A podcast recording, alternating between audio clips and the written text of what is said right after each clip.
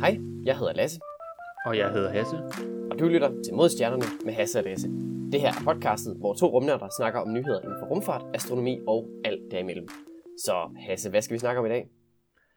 Jamen, øh, jeg tænker, at vi kan følge op på en nyhed, vi havde i sidste uge. Der snakkede vi jo om, at SLS, det her Space Launch System, som jo skal få amerikanerne tilbage til månen, det skulle have deres hot run.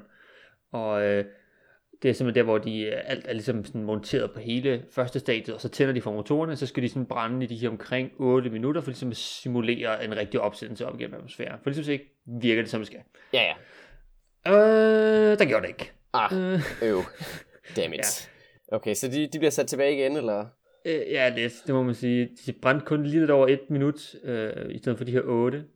Og så, øh, så slår motoren sig fra, øh, hvilket jo selvfølgelig er rigtig fint, når det ikke bare eksploderer, men de slår fra på grund af en, en fejl, man desværre ikke lige helt er sikker på endnu.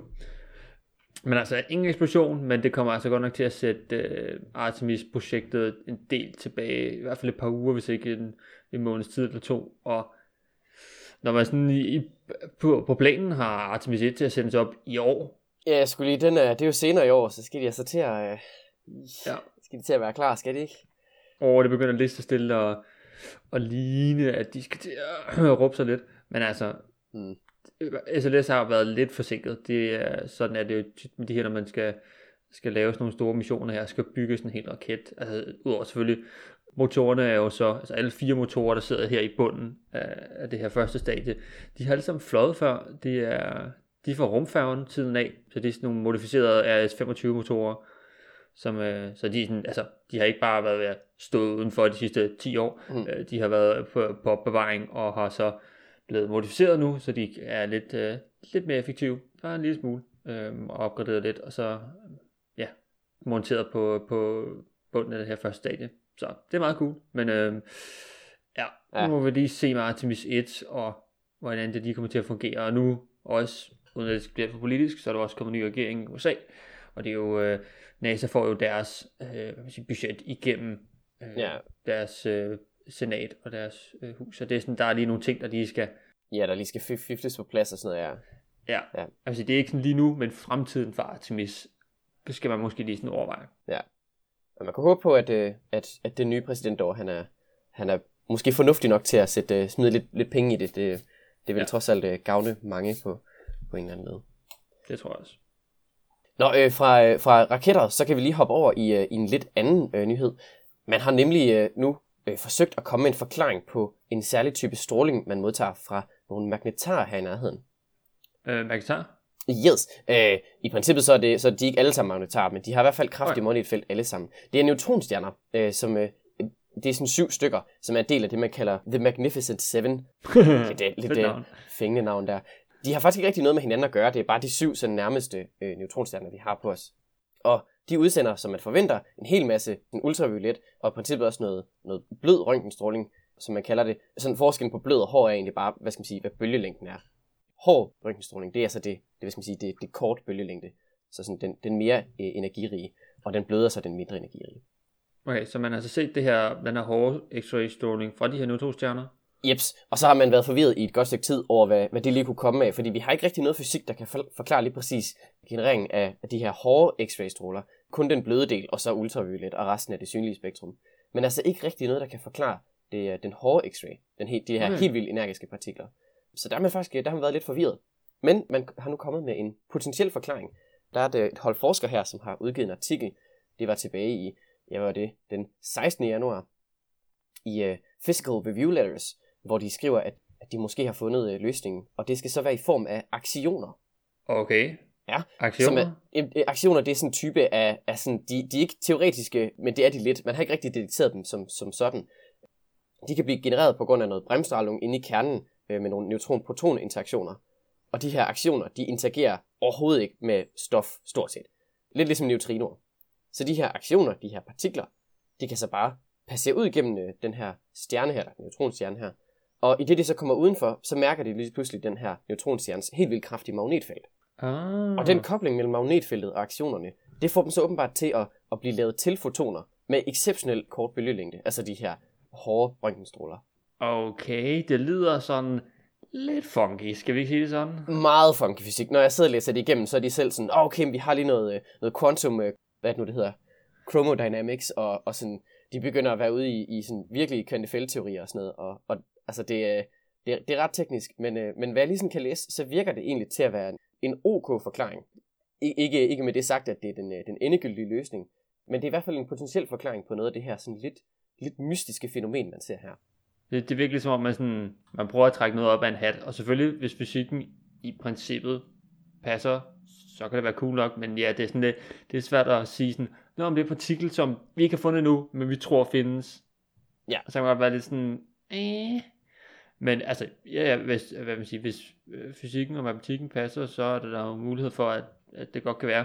Selvom vi selvfølgelig ikke lige har detekteret de her aktioner endnu, men det er bare, man bliver sådan, ja, jeg, jeg er sådan lidt skeptisk, når man sådan lige hører ja, sådan noget. Så ja. er det, sådan, det, det, lyder, det lyder en smule mærkeligt, men altså, det virker til, at pengene passer. Men okay. altså, det, det kan også godt være, at det kun er en, en del af forklaringen, og at der ligesom er, er mere, der ligger bag. Øh, men det her kan i hvert fald forklare noget af, af det, man ser her med den her, øh, den her voldsomme x-ray-stråling. Okay. Men øh, det var bare så lige en, øh, en, en sjov artikel, jeg lige faldt over. Det var lidt, øh, ja. lidt interessant. Apropos øh, McIntyre, så, øh, så ja, jeg ved ikke, om der har været McIntyre uge i den her uge, så læser jeg en, en anden artikel om en, en meget ung McIntyre. Okay. Det er, hvad den hedder, de har altså fundet en, som muligvis er den, den aller yngste fundet, som man havde egentlig, øh, man har set sådan et lille udbrud af x-ray stråling, og det fik, man fik så hurtigt stillet nogle teleskoper over mod hvor det her område, hvor det kommer fra. Og så har man øh, fundet den her øh, meget, hvad man siger, navn, fint navngivet Swift J 1818.0-167.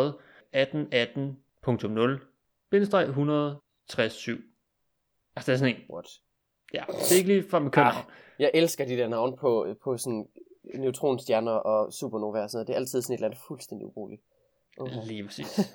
Nå. Skønt.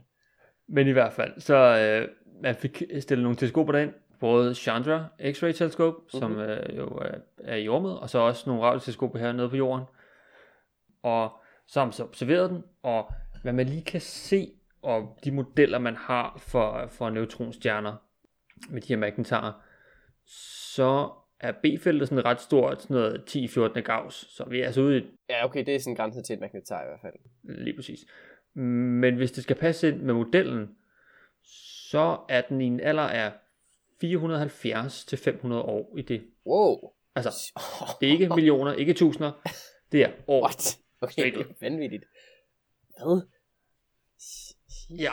Voldsomt. Wow, okay, det er alligevel, det er jo sådan pur ungt, altså den er sådan fra i går. Ja, den er født i går i sådan astronomisk. Wow. Ja. Damn. Okay, det er vildt. Det er ret vildt. Altså, det er selvfølgelig det er en model, mm. så det kan godt være, at der er nogle ting, man ikke lige har taget højde for, og at man skal, måske skal tune lidt. Men den første bud, det er altså de her altså under 1000 år, hvilket er mm. pænt sindssygt. Øhm, typisk så, når man får sådan en, en, øh, en magnetar, altså den her neutronstjerne, så er det typisk, fordi der har været en supernova, altså en stjerne, der er gået supernova, og så vil man typisk også se sådan en sky af gas og støv omkring. Ja, den der, den der skal, man sådan kan se nogle gange, ja. Lige præcis. Så, så det burde sådan, så man selvfølgelig kigget efter, hvis den skulle være meget ung, så burde der jo selvfølgelig være en relativt lille skal omkring, fordi skallen vokser jo, jeg vil sige, den udvider sig lidt stille, fordi den sådan bevæger sig ud af, som tiden går. Jeg tænker også, at den så stadigvæk må stråle en smule netop på grund af, af, af varme og så videre. Der, der må den stadigvæk være, være synlig der. Ja, så man har kigget efter den her skal selvfølgelig for ligesom at finde ud af.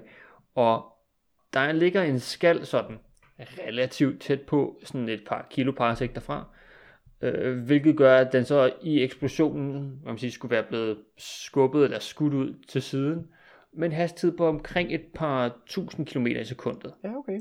Fart på så. Ikke, det er ikke umuligt, fordi det er sådan nogle, det er nogle ret store ja, kræfter i supernovas. Det er hæftigt, ja. ja. Så, men det er mere sådan, at hvis det skal passe med det, man måske tænker, så så ser det ikke helt, det ser bare, det virker lidt mystisk, at den er så langt væk, men det er bare sådan, man typisk ser man ikke i så høje hastigheder, men ja, ja det, det, det er en mulighed, og man har også kigget på, der er sådan en meget svag skal, der er lidt større, men den er bare meget, meget, meget, meget svag, og det er jo ikke lige det, man havde forventet omkring sådan øh, en supernova. Så man skal lige finde ud af, hvor er det helt præcis og der, der skal nogle flere observationer til, for at finde ud af, specielt hastigheden på den, fordi den har man ikke endnu, Øh, man har sådan den forventede hastighed, hvis den skulle passe til den skal man ser næsten lige ved siden af. Så det er simpelthen, øh, men jeg skal simpelthen lige få observeret den noget mere. Men øh, altså det, det, det tyder på, at det, det kunne være ret, øh, ret spændende det her, fordi så er det altså en af de sådan, yngste magnetarer, man har fundet, og det vil jo være sådan... Ja, det er alligevel ret, øh, ret crazy. Ja. Kun 500 år. Det er alligevel... Øh, ja, Ja. måske kun 500 Men det er alligevel øh, vanvittigt. Ej. Ja, ja, det er sådan... Ja, det er pænt Ja. vildt. Crazy. Fra øh, astronomi, så kan vi måske hoppe over i lidt om øh, rumfart. Uh, Der er nemlig, øh, der er nemlig en, øh, en hel del, vi lige skal igennem her. Så en, øh, en lille ting, det er, øh, at øh, Dawns Aerospace, øh, deres lille Mark 2 fly, det skal snart sendes ud i rummet. De har simpelthen lavet øh, deres eget rumfly. Okay, jeg har ikke lige hørt om uh, Dawn Aerospace før. Det er et, øh, et ret lille newzealandsk firma, men øh, de, er- de, de er simpelthen i gang med at lave deres, deres eget rumfly. Og nu, øh, nu skal den anden udgave af, af flyet så sendes afsted. Og det sjove, det er simpelthen, at det her lille fly, det er ikke særlig stort, vi snakker, øh, jeg tror, den er en 10-15 meter eller sådan noget. Det skal så, så, øh, så sendes op fra en helt almindelig lufthavn. Bare sådan to- totalt almindeligt. Så det, det er virkelig et fly, og ikke en raket. Det er, altså, den, den skal tage, tage hvad skal man sige, lette øh, horisontalt i stedet for vertikalt, som de fleste raketter jo gør. Okay. Det er godt nok en, en super betalt flyvetur, men den skal altså lige ud i rummet, og så, og så tilbage, og igen bare lande på en landingsplads. Øh, så det er bare et fly, som lige kommer ud i rummet også. Sejt nok. Ja, det er sådan lidt, uh, lidt crazy.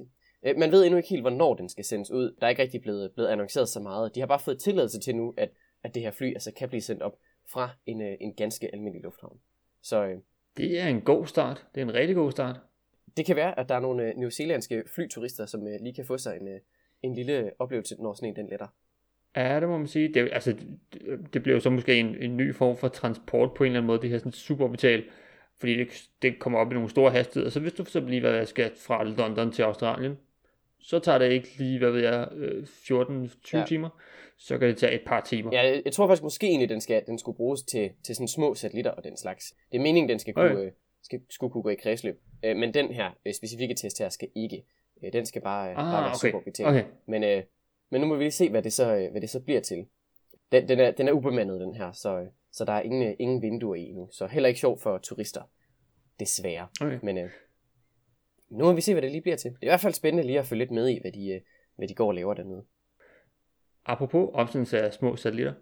Øh, Virgin Orbit har fået sendt satellitter i rummet første gang. Okay. Stærkt. Ja, ja, ja. Så, så Virgin Orbit, det er altså sådan, det er Virgin, kan man sige, Airlines, Galactic, hele ham af Richard Bransons, hans øh, rum øh, eventyr, hvis vi skal sige sådan, hvor man har sådan en gammel Boeing øh, 747, Ja, sådan jumbo jet-agtig. lige præcis. Den hedder Cosmic Girl. Øh, ja, det er meget, meget hyggeligt. Så id- ideen er så, at, at man har det her fly, sådan en Boeing her, så smider man en raket på under den ene, på under venstre side af vingen, der, der har man normalt plads til at, på, til at transportere en ekstra motor, hvis man nu skal have sådan en med over, over til et andet sted. Og så har man så bare simpelthen sat en raket ind der, og så flyver de op i sådan en 10-12 km højde, og så, så slippes raketten under, lidt ligesom om det var nærmest et missil eller et eller andet, og så tænder motoren, og så flyver den ellers bare mod rummet.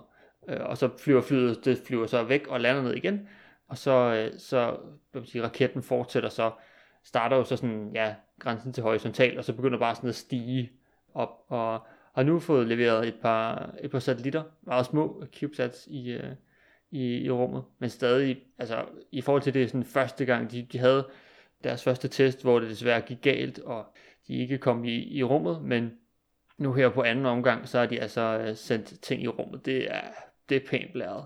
Ej, hvor fedt. Så det, det, det er sådan lidt sådan en, den der stratolaunch-agtig. Det er altså sådan med, bare hele den der idé med flyet, der sådan skal bære raketten op i, for ligesom at spare, spare noget brændstof. Ja, lige præcis. Ja, så du sparer de første 10 km, hvor der altså bare er en tæt atmosfære i forhold til, når du så kommer med at komme længere og længere op. Ja, så også det, at du også har hastighed allerede derfra. Det hjælper også lidt på det, kan man sige. Lige præcis. Ja. Ja, Ja, ja, så det er altså det, kombinationen af det hele er jo sådan en, og det er også det, jeg kan sige, det på en måde minder lidt om sådan, altså hvad SpaceX og Falcon 9 gør, at de har en eller anden, noget, noget der flyver op, men også noget, der lander igen. Det her er så bare en, en Boeing, øh, et klassisk fly, men øh, ja, det, er- ideen er sådan lidt det samme, at man sådan, så bare kan genbruge den her Cosmic Girl til at kunne sende, øh, sende raketter Ja. op. Så det, er- det er altså pænt sejt. Stærkt. Så nu kan man simpelthen også øh, få sendt sin, øh, sin satellit ud i rummet med øh, Virgin Orbit. Ja. Sejt. Og nu øh, de er jo også i gang med at bygge sådan en, en jeg tror de kalder det en spaceport, i stedet for en airport. Okay. Øhm, jeg mener, det er enten i New Mexico eller Texas, de, hvor de nu har skal lave sådan en, det ligger midt ud i ørkenen, øh, men så har de så tænkt sig at lave sådan en, en spaceport, hvor man, jeg tror, de vist både vil sende fra Virgin Orbit, muligvis sende fra, men altså Virgin Galactic, som er sådan endnu et uh, rumeventyr for, øh, øh, for Virgin side af, som jo er, at man har sådan et stort, det ligner et specialladet fly, det ligner ikke et normalt fly. Der er sådan to cockpits, der sidder hver for sig, og så har man i, hvad man siger, under flyet sådan en form for, det er mere, det er mere et fly, end det er en raket, fordi du kan have passagerer i. Men ideen er, at man skal lave sådan noget rumturisme, hvor man så er inde i det her, det her sådan raketfly under, som så på samme måde igen bliver, der er det her rigtige fly, som flyver, som får det op i en god højde, så taber man så den her raketfly, og så accelererer den op, og så kommer man så op i, i rummet. Og ideen er så, at man så sidder derinde, som jeg tror, der er plads til sådan noget 8-10 mennesker, og så er der sådan vinduer sådan både over en og på siderne, som ligesom kan kigge ud, når man kommer op i rummet. Og så, øh, så lave rumturisme på den måde. Det er... Det er rimelig blæret. Så det er sådan lidt, når man lige sidder og kigger på et billede af det her, det ligner sådan lidt, altså sådan et fly, men det er en katamaran. I ved, sådan den der med, med to skrove, og så er der så vinger hele vejen over. Og så, så hænger den ligesom i midten. Det ser godt nok mærkeligt ud. Ja, det er en, øh, det er en meget god beskrivelse af et fly som en katamaran. Det er, Crazy. det er nok, øh, vi kan måske lige smide et billede af det i, i, noterne her, så folk lige kan få en idé om, hvordan pokker Ja, det det tænker jeg, vi skal, vi skal have med. Øh, apropos øh, masser af satellitter, er det ikke noget med, at øh, SpaceX, de, øh, de er ved at være ret godt med på, øh, på den front der i øvrigt? Der er Starlink. Hvor mange af de har fået sendt op nu? Jeg tror, de har, de har jo lige haft en opsendelse her i, åh, hvad må det være, tre dage siden, hvor de nu har fået sendt endnu flere Starlink opsendelser op med deres Falcon 9, og nu er, har rundet 1000 satellitter af de her Starlink satellitter i rummet. Ja, det er alligevel også en, nogle stykker, kan man sige. Det må man sige. Jeg så også øh, en del videoer nu, hvor deres øh, beta-test jo på deres Starlink-internet er ligesom er gået i gang, at det er sådan, øh, fra folk i sådan noget, ja, nordlige USA, Canada, hvor man ikke lige normalt har så meget adgang til andet internet, at de, øh, de får rimelig god dækning. Altså det er ikke, ikke fantastisk, hvor du kan streame 4K øh, i hele huset, men altså du kan godt se Netflix i fuld øh, HD, øh, og ja, det, det lyder umiddelbart øh, pænt godt. Der er selvfølgelig nogle gange, så falder forbindelsen lige, men altså, indtil man får flere satellitter i, så, så bliver det bedre og bedre. Så det altså pænt vildt, synes jeg alligevel. Det er alligevel øh, sejt nok. Jeg håber ikke, vi ender, vi ikke øh, ender i det der Kessler-scenarie der, hvor, øh, Oh, hvor vi får sådan en kaskadeeffekt. Det er... Øh, ja. Ja. Jeg må indrømme, jeg er stadigvæk lidt skeptisk. Men det, øh, ja ja, det, øh, det er Ja. nice, at det, det lykkes at få sendt så mange afsted. Og det er godt, at der bliver gjort lidt, lidt i det der, øh, i det der med, med sådan nogle små satellitter. Og... Ja.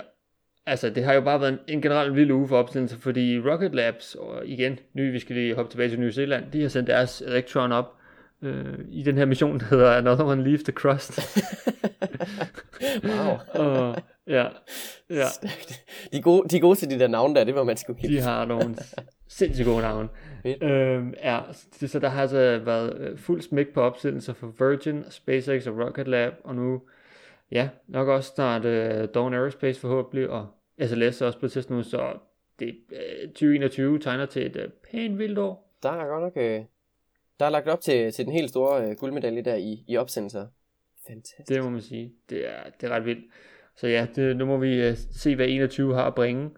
Men det, jeg tænker, det, det bliver rigtig godt. Og fordi hvis Artemis 1 kommer op og flyve, og ja, Rocket Lab begynder at gribe deres øh, Electrons første stadie med en helikopter, og altså, det bliver er- toplæret. Det er, det er året, hvor sci-fi det rent faktisk bliver en realitet. Nu her. Yep. Det er vildt. Nå, det var vist det, det vi havde af nyheder øh, for denne gang. Så jeg vil bare sige tak, fordi I gad at lytte med i den her uge. Hvis I har ris, ros, ting vi skal snakke om, gode spørgsmål, billeder af øh, satellitter, du selv har taget, eller op- raketopsendelser for den sags skyld, så øh, kan du sende en mail til os på modstjernerne Husk at følge os på Instagram, og selvfølgelig at, at følge podcastet på din yndlingspodcast-tjeneste. Vi snakkes ved i næste uge.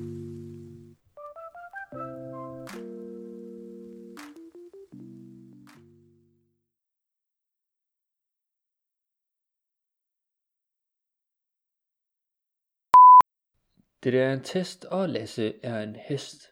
Jeg er ikke en hest. Du er vores hest. Nej, jeg er skinned.